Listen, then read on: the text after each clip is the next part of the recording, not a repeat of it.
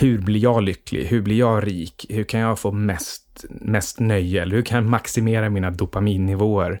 Det handlar inte alls längre det här om att ingå i ett samhälle eller i en familj eller i en stor familj. Och, eh, och det är egentligen väldigt onaturligt för oss människor.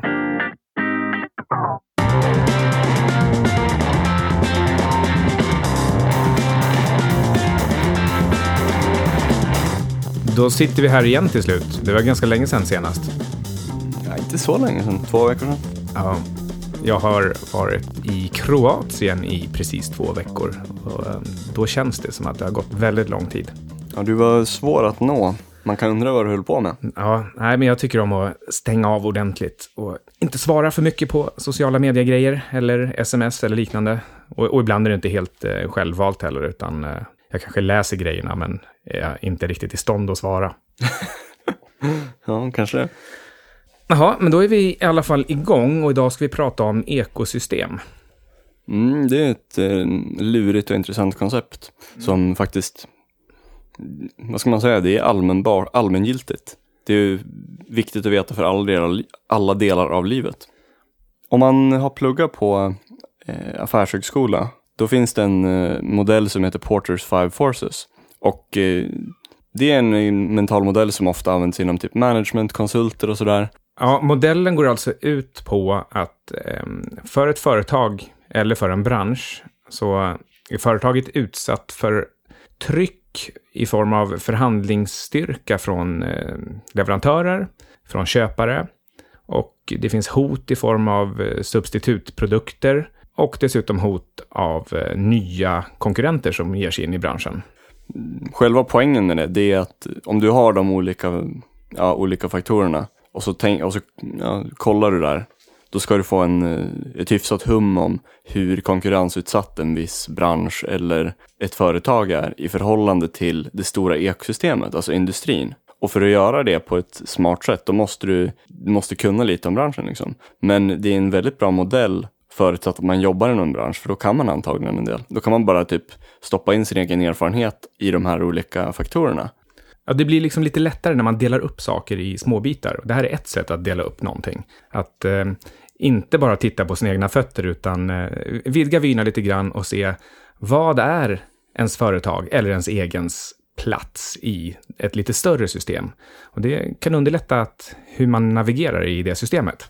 Ja, när, när jag pluggade där, då, när man lärde sig det, jag tyckte det var lite intressant, men det var lite svårt för mig att koppla det på ett sånt sätt att, så här, att det blev konkret och att det kändes att det här är någonting jag kan använda för att typ tjäna pengar eller förstå världen bättre. För att det var svårt att koppla den enkelt. Men sen i efterhand när jag läste en massa biologi och eh, ja, om till exempel ekosystem, då inser jag att det är en riktigt bra modell faktiskt. Ja, och själv så när jag läste det här på Handelshögskolan så hade jag helt fel inställning till allt som hade med lärande och särskilt lärande i skolan att göra. Så eh, jag tyckte modellen både var meningslös och självklar på samma gång. Alltså jag, jag tyckte när jag hörde termerna att ja, det är klart att det är så. Och därmed så la jag dem inte på minnet och funderade inte på vilket sätt det, det fanns en djupare sanning. Och, och på samma sätt så lärde jag mig då inte alls heller. Ja, men den djupare sanningen i det här fallet, det är ju att det finns ett ekosystem och ditt företag eller din bransch är en del av det. Och hur passar det in? Och tänka på det sättet, att se någonting ur det större perspektivet och vilken roll man själv eller, eller ja, företaget eller ens kompetens liksom, vad det spelar för roll relativt de andra spelarna eller de andra olika krafterna inom ekosystemet. Och jag tycker nästan att en ännu viktigare aspekt av det här, det är hur man som person passar in i olika ekosystem. Och det kan vara, vem är du i skolan? Alltså, till exempel, vem är du i klassen och hur eh, passar du ihop med lärare, läroväsende, andra elever som du samarbetar med eller konkurrerar med. Det kan vara konkurrens om praktikplatser eller eh, utbildningsplatser utomlands. Det kan också vara en fråga om hur passar din utbildningslinje in i andra utbildningslinjer? Alltså i det, i det totala systemet av vad man lär sig. Mm. Men många av de här vanligaste frågorna om, eh, ja, av folk som pluggar och också vad jag själv tänkte när jag pluggade, det är typ så här, hur viktig är den här utbildningen? Eller hur lätt är det att få jobb? Eller hur välbetalt är det här? Eller hur ser karriärstegen ut? Sådana där typiska frågor som egentligen har att göra med liksom överlevnad. och karriär. Och eh, för att svara på det, då måste man egentligen tänka på branschen sett utifrån ekosystemet. Annars är det ganska svårt att ge ett bra svar. Och inte bara hur ekosystemet ser ut nu, utan hur det kan tänkas ut lite längre fram. Och ska man våga göra någon liten prognos, då måste man ju verkligen veta hur det lite större systemet eh, ser ut idag. Och, och vi pratar ju inte bara om utbildning, utan det här handlar också om vem är du på ditt jobb? Det vill säga ett, ett, steg under var företaget passar in i ett industriellt ekosystem, utan det handlar också om var passar du in i det lokala ekosystemet i företaget. Okej, okay, men så långt om det riktigt övergripande teoretiska. Vi, vi har förstått att man, man kan inte bara se till sig själv, utan måste tänka på den lite större bilden. Men eh, hur ska man bryta ner det här? Ludvig, vad är det man ska göra? Um, ja, först och främst så ska man nog tänka på andra personer. Alltså, inte bara vara självisk, utan se, alltså försöka sätta sig i andra personers skor. Vad är det de behöver just nu och hur kan jag tillföra det eller hjälpa till? Mm. Eller vad har de för mål och hur kan jag på något sätt bidra? Mm. Eller slussa dem till någon som kan hjälpa dem. Och det i sin tur är ganska närliggande till frågan om vilka roller som överhuvudtaget finns på företaget. Så att det här att tänka på andra och vad de skulle kunna tänkas behöva, det är också knutet till vilka fler typer av personer finns det? Vilka, vilka roller finns det överhuvudtaget? Det är en sak som förvånar mig lite, det är hur lite tid, alltså rent relativt, folk lägger på att tänka över här, dynamiken inom ekosystemet eller industrin eller branschen eller vad det nu är, liksom, den, den, stora helheten. Jämfört med hur mycket tid som läggs på att bara liksom utföra rutingöra, business as usual, utföra ärenden, eh, sådana saker. Liksom. Väldigt ovanligt att folk sätter sig ner och typ tänker, okej, okay, vilka är spelarna här? Vad är undervärderat? Vad är sällsynt? Vad, vad borde vi göra mer av? Sådana ganska fundamentala frågor. Precis. Givet nyttan som man kan få ut av att tänka lite större och lite mer strategiskt så är det verkligen förvånande. Men å andra sidan så är det inte så förvånande med den mänskliga naturen att vilja ta det som ligger närmast till hands och det som har kortast, kortast väg till slutet. Mm, nej, men exakt. Men så just den här meta, Mm, ska man säga, metatänket, att se till helheten och försöka se vad som saknas.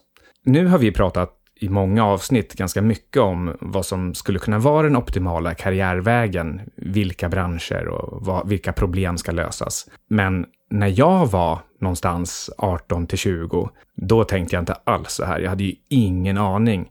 Jag snubblade ju bara in på en utbildning och jag hade ingen, inget större, ingen större drivkraft än vad som möjligen skulle kunna vara roligt eller irriterande för andra.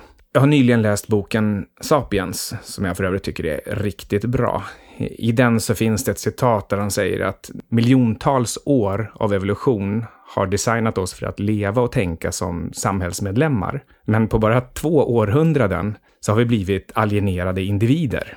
Och, och det säger någonting om vilken enorm kraft kulturen har. För nu sitter du och jag här och pratar om att tänk på ditt ekosystem. Och fram till för bara ett par hundra år sedan, ja, då levde vi i storfamiljer och byar där man, där man faktiskt levde på och med varandra på ett väldigt naturligt ekosystemsätt. Ja, alltså de, de tänkte ju inte på det på det sättet, men de, de såg ju det som liksom ett kretslopp. Och typ indianerna, det är ju en av de absolut bästa mm, kulturerna som man väldigt enkelt kan studera och se att de tänker på det som att allting är en naturlig cykel och del av ett större system. Vi ska inte ta ifrån systemet någonting mer än vad vi kan tillföra. Vi ska inte hålla på och förstöra och så vidare, utan vi ska bara ta så mycket som troligen, som de gissar då, att naturen tillåter dem att ta. Liksom. Eh, och det är ju ett exempel på så här hur inrutade de var i det tänket, medan vi har kommit väldigt långt ifrån det. Men vad är det du menar med det här med mm, att bli alienerade individer?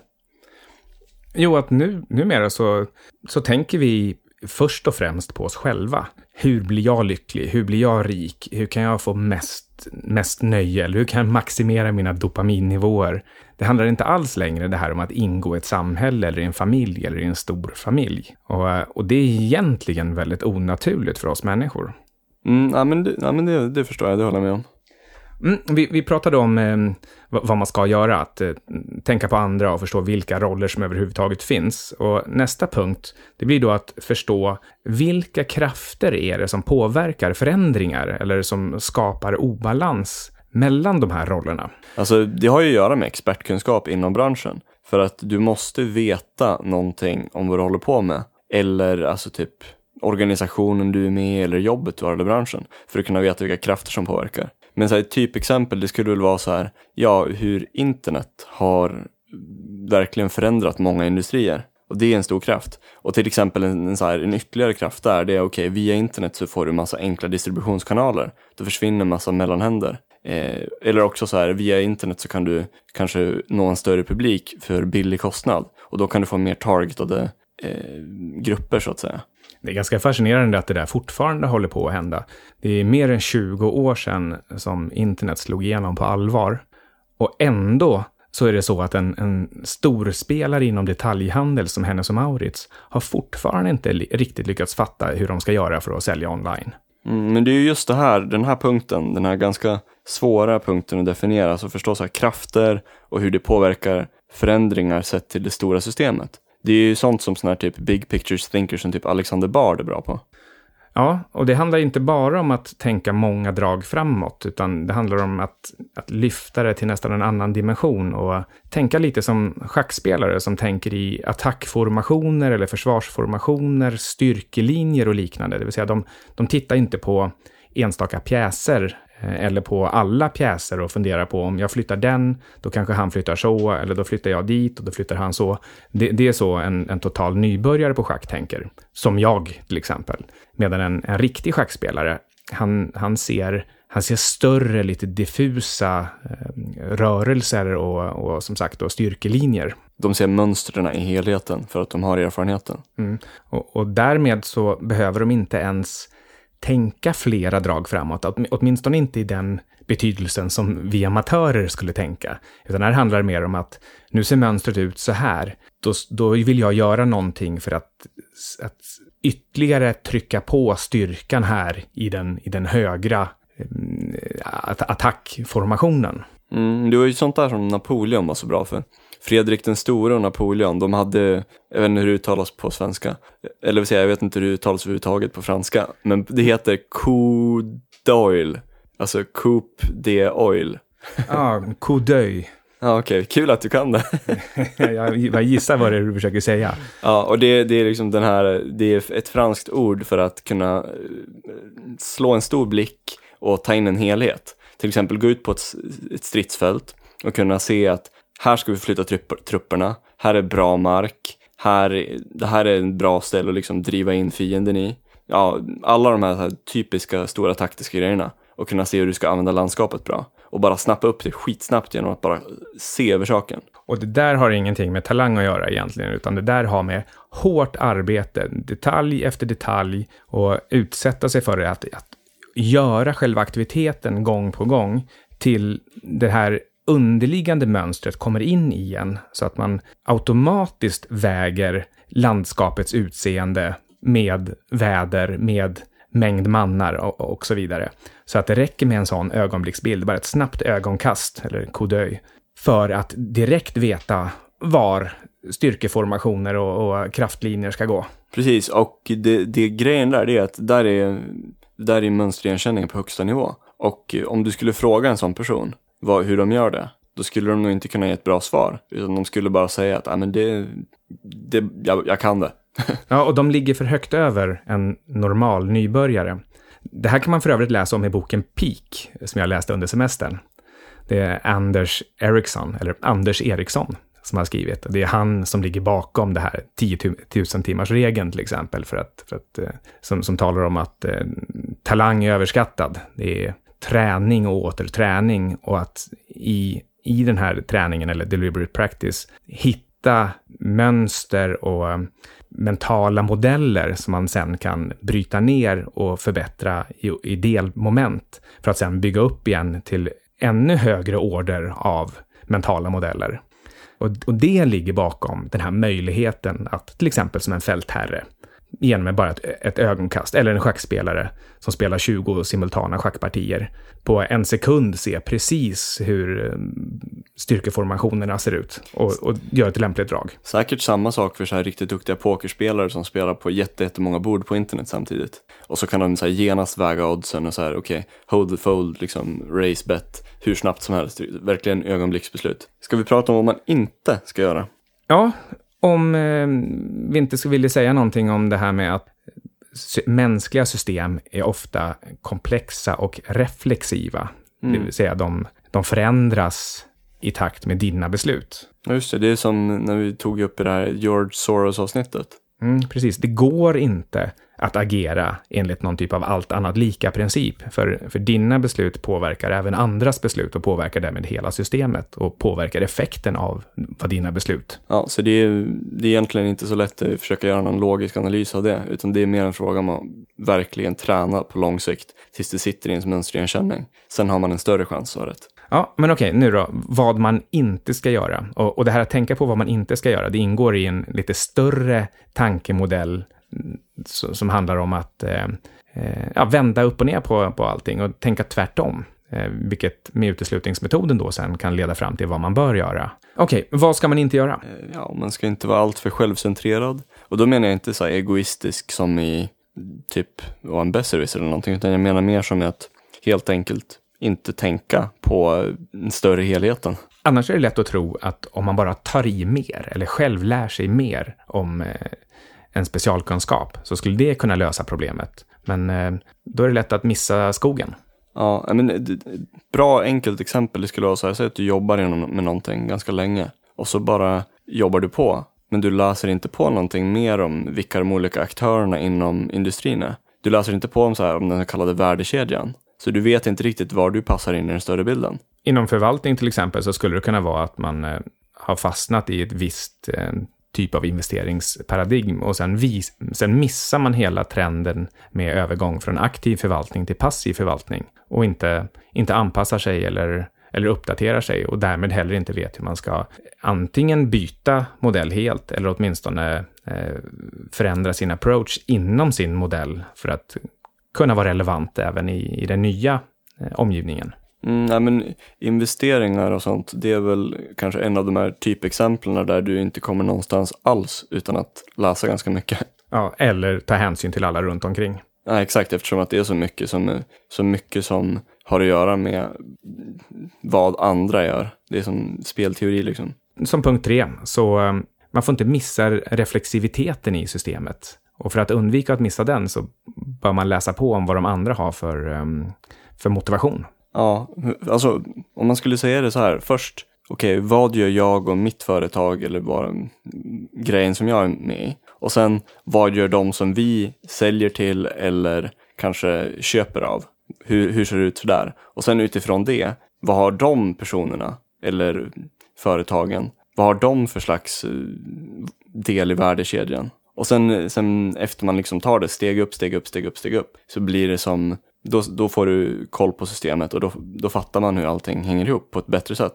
Veckans tips är att man eh, faktiskt tar sig tid att kartlägga ekosystemet i sin bransch. Eller så skulle jag vilja tillägga, eller bara sitt eget personliga ekosystem. Ta ett, ett steg tillbaka och se, ehm, inte bara på vad det är du gör, utan vem du gör det i relation till. Ja, ett lustigt exempel på det, det skulle vara så här. Om man, har, du någonsin, har du någonsin gått på typ olika fester och så, och så i, på en fest så är du mycket mer populär än på de andra. Hur kom det sig? Antagligen så var på något sätt du mer sällsynt eller ja, någonting i den stilen. Eller så kanske du bara pass, det kanske var folk som var liknande som dig med samma intressen helt enkelt. Jag har nämnt två böcker i det här avsnittet. Eh, Sapiens av Harari och Peak av Anders Eriksson. Veckans bok är Sapiens. För visst har vi inte nämnt den förut? Jag tror inte, eller in, inte... Mm, du har kanske nämnt den, men det är inte som veckans bok. Nej, precis. Jag tycker att den är, den är fantastiskt bra. Den sätter just sociala sammanhang i centrum och den förklarar mänsklighetens utveckling med olika sätt att knyta samman stora ekosystem för samarbete. Och det gör den med hjälp av myter, eh, det vill säga en, en form av idéer som egentligen inte är sanna på något sätt, utan, eh, utan som eh, bara många människor kan komma överens om att vi, kör, vi kör enligt det här. Och det kan vara naturism eller olika typer av teistiska religioner, eller politiska system som kapitalism eller kommunism. Det kan vara teknoreligioner som är på väg nu. Det eller kan vara marxism. Kolla bara hur dumma människor kan vara. Ja, men, men dumma och dumma, det är en sak att sluta sig runt. Eh, eller syntism, bards, eh, kärleksbarn, där eh, man helt enkelt träffas och, och bygger saker ihop.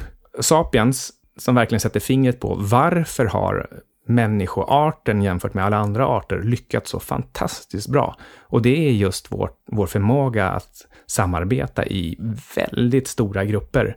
Tack vare att vi hittar på saker som egentligen inte är sanna, men som vi kan gemensamt komma överens om. Som politik eller religion eller pengar. Mm, pengar är ett bra exempel. Eller ägarrättigheter. Ja, det är saker som inte finns. Ägarrättigheter, det är en skitbra idé. Mm. Utan det så skulle ju världen vara totalt galen. Ett kul exempel som Harari tar upp i boken, det är företag. Företag finns inte. Mm. Ja, det är ett bra exempel. Nu, nu har vi väl egentligen inget riktigt veckans citat, men, eh, men när vi pratar om det här så slår det mig just ingen man är en ö. En gammal dikt från eh, ja, tidigt 1600-tal, som dessutom avslutar med frågan till för vem klockan klämtar, den klämtar för dig. Vilket egentligen då kan tolkas som att i ett ekosystem så klämtar den alltid lika mycket för alla. Skadas ekosystemet tillräckligt mycket så blir det du också. Mm. På tal om veckans tipset som vi sa innan, att kartlägga ekosystemet i din bransch eller i din omvärld eller hur det nu ser ut. Eh, här är ett exempel. Så här, om, man, om man är i skolan och man pluggar, varför kommer rekryterare dit? Varför kommer företag dit? Varför är kurslitteraturen så dyr? Och varför är den så dyr? Varför finns det en kår? Nej, jag tänker inte avslöja, men det, allting har att göra med ett ekosystem. Och det är för att det finns ett underliggande ekosystem i nuläget. Sen, sen kanske det helt och hållet går åt skogen under de närmsta 10-20 åren med att internetutbildning kommer och sådär. Men i nuläget så ser det fortfarande ut så här. Jag tycker att man kan ta med sig att man är inte ensam. Eh, Och även att ensam inte är stark. Utan tänk istället i termer av ekosystem och försök hitta, kartlägg ekosystemet och hitta luckor där du kan bli extra viktig eller extra uppskattad på något sätt. Ja, det var väl allt vi har idag. Ja, härligt. Då är veckans avsnitt slut. Du har lyssnat på 25 minuter med Syding och Sundström. Det produceras av tradevenue.se och klipps av Johan Olsson. Och glöm inte Nextory-erbjudandet. Det gäller åtminstone en månad till, så då kan du läsa gratis böcker eh, hela resten av sommaren. Det Typ bara, Sapiens eller Peak. ja, verkligen. De två böckerna rekommenderas högt. Eh, Så gå in på, på Nextory. Alltså www.nextory.se kampanjkod och skriv in vår kampanjkod 25 minuter som ett ord. Två av femma minuter. Tack och hej! Hej då!